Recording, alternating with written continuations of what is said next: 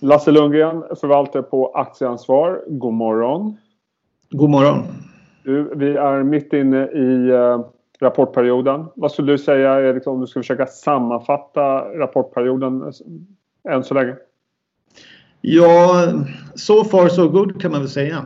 Jag tycker att det varit ganska, ganska bra siffror ändå trots allt. Men fokus har ju naturligtvis varit på utsikterna. Och där är ju många bolag ganska vaga fortfarande. Om, om vi grottar ner oss lite extra i eh, verkstadssektorn. Där har väl i princip alla de stora bolagen förutom ABB kommit med en rapport. Mm. Om jag tittar på siffrorna som jag har sammanställt så visar det på en eh, fortsatt nedgång i organisk tillväxt både för eh, orderingången och för eh, omsikterna. Utsikterna är svarta får man väl ändå säga även om de är, vissa bolag är lite mer eh, luddiga får man väl ändå säga i sina utsikter. Eh, ändå verkar marknaden vara ganska nöjd. Dina tankar kring det? Mm, jag tycker nog att man är förvånansvärt eh, optimistisk skulle jag vilja påstå. Det, när, när, SKF kom, eller när Sandvik kom tidigt där, då, då pratade de om att eh, det var minus 25 procent de sista veckorna i mars. Och analytiker och jag själv, vi har ju försökt få fram någonting vad som har hänt i april här, men vi har ju haft påsk och lite, lite annat som stör. Så det är väl ingen som har velat sagt någonting. Men man kan väl anta att inledningen är sämre än så. Eh, men trots det så tror jag nog att eh, många har... Jag skulle gissa att man drog ner kanske prognoserna lite för mycket på Q1 redan i april när det här liksom, hela den här virusgrejen exploderade. Och att, vad får det för konsekvenser i så fall för prognoserna Q2, Q3 och kanske även Q4? Ja, känsla, magkänslan säger att man drog ner kanske Q1 lite för mycket och sen när rapporten väl kommer då tycker man att ja, men det här var inte så farligt ändå. Så att man är nog kanske lite för eh, optimistisk, eller jag ska säga aggressiv på, på den här V-formationen i återhämtningen för Q2, Q3. Vi ska ju i princip tillbaks då. För, för, det, för det känns ju ändå som du säger, en del bolag säger väldigt luddigt att Q2 blir nog sämre än Q1. Vissa säger att det är extremt osäkert, att det är, man förväntar sig en lägre efterfrågan. Jag såg att Dometic, det är ju inte ett verkstadsbolag, de sa liksom att april det är inte vackert. och det kommer bli väsentligt sämre än i Q1. Så att, känns det som att man inte antar worst case scenario då i analytikerkåren? Jag tycker inte att det ser så ut. Att man har antagit något worst case scenario. Utan det är många som har gått på de här minus 25, minus 30 procent.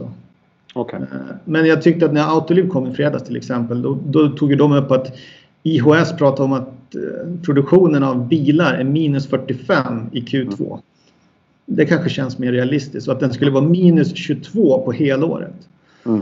Om man har de siffrorna i bakhuvudet då tror jag att det finns en del att kapa på estimaten Q3, Q4. Okay.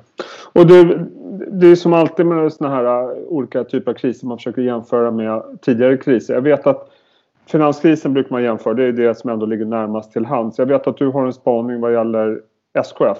Eh, äh, vad gäller den jämförelsen om man tittar på omsättning och volymer, eller hur? Mm, jag satt ju naturligtvis när SKF-rapporten kom och gick tillbaka och tittade. Det har man gjort länge då. Och, eh, då blir man ju lite förvånad när omsättningen var ner så pass lågt. För att volymtappet var ju lite drygt 25 procent. Men vad man, jag ska inte säga att folk missar det, men det kanske, när man bara tittar översiktligt så kommer man inte ihåg att kronan försvagades från 6 kronor mot dollarn till ungefär 9. Det är en ganska brutal försvagning på ett år som hjälpte inte bara SKF, det hjälpte ju naturligtvis hela verkstadssektorn och hela Sverige att komma tillbaks. Jag har lite svårt att se den försvagningen den här gången. Okay.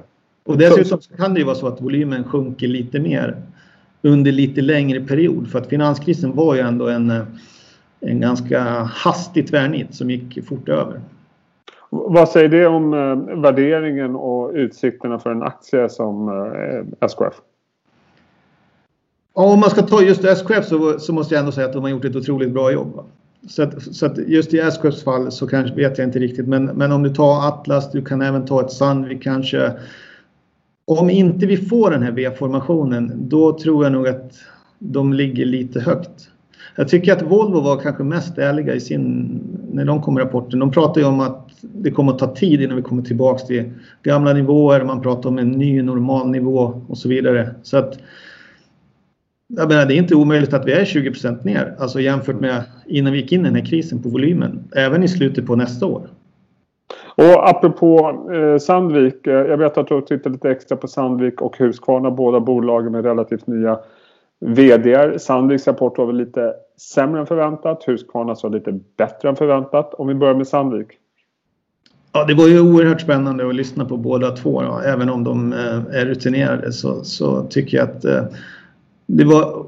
Man får ett stort förtroende när man lyssnar på båda två. Båda VD. Speciellt eh, ja, både Sandvik och, och Husqvarna naturligtvis. Men, men jag tycker att Sandvik var väldigt, eh, han var väldigt ärlig och berättade hur det var och det är ju otroligt svårt även för dem. De vet ju ingenting mer än oss faktiskt hur, hur efterfrågan ser ut. Speciellt på sms-sidan, där har du ju väldigt, väldigt korta ledtider. Vi pratar ju om leverans inom 24 till 48 timmar så att det finns ju ingen orderbok egentligen. Okay. Så att om man tittar på Husqvarna då, det här är ju en, en våraktie brukar det vara. Den, den rapporten såg ju helt okej okay ut igen utifrån förväntningarna för Q1. Vad kan man förvänta sig en sån efterfrågan närmsta kvartalen?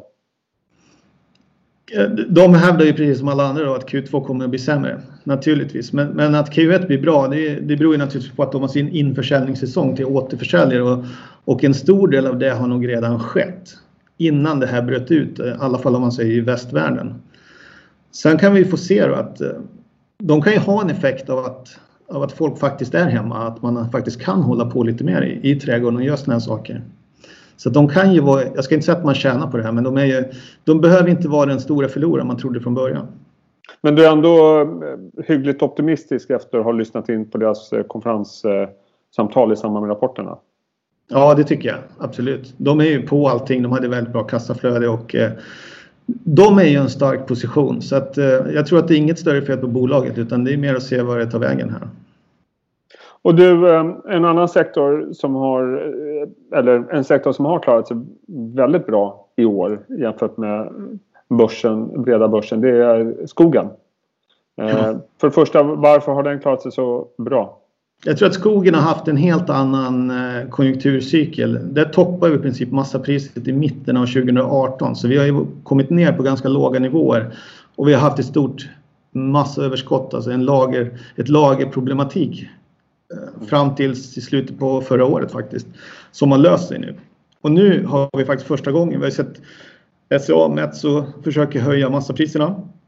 Idag på morgonen kommer att eh, Susano i Brasilien också ska höja lite grann så att eh, jag tror att de ligger lite tidigare i cykeln. Och sen så från svenska SCA och Holmen och även Stora så har vi naturligtvis att det stora skogsinnehavet ligger i, mm. i botten som någon form av fast tillgång. Om man tittar på ett eh, bolag som Billerud. Det här 2020 var ju på något sätt året då de skulle få sitt eh, revansch efter stora investeringar och ett antal andra utmaningar de har haft. Och nu så händer det här. Hur, hur ser du på den aktien? Jag är positiv till Billerud och jag tyckte att det lät väldigt, väldigt bra. De sitter ju liksom i den konstiga situationen att de sätter produktionsrekord för Q1. Det är all time high i antal ton producerat och det beror ju på att Dels så producerar man ju vätskekartong då och även kartong till medicinindustrin och sådana saker. Ungefär 60 procent är helt oberörda eller kanske till och med gynnas av det här. Men framförallt har man ju skjutit på alla underhållsstopp till andra halvåret så att man har inte stått stilla i princip en enda dag. Men det stämmer ju som du säger. De har gjort eh, stora investeringar och 20, 2020 är ju inte året de ska skörda men okay. 2020 är året när de extra kostnaderna för kartongmaskin 7 ska egentligen ta slut. Då.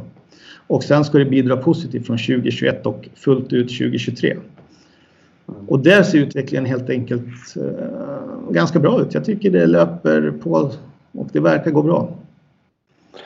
Du, jag tänkte att vi måste avrunda det här med att eh, ändå titta på börsen lite mer generellt. Eh, jag tror year to date ser väl eh, börsen i Sverige ner än 13-15 procent. Det går ju ganska snabbt.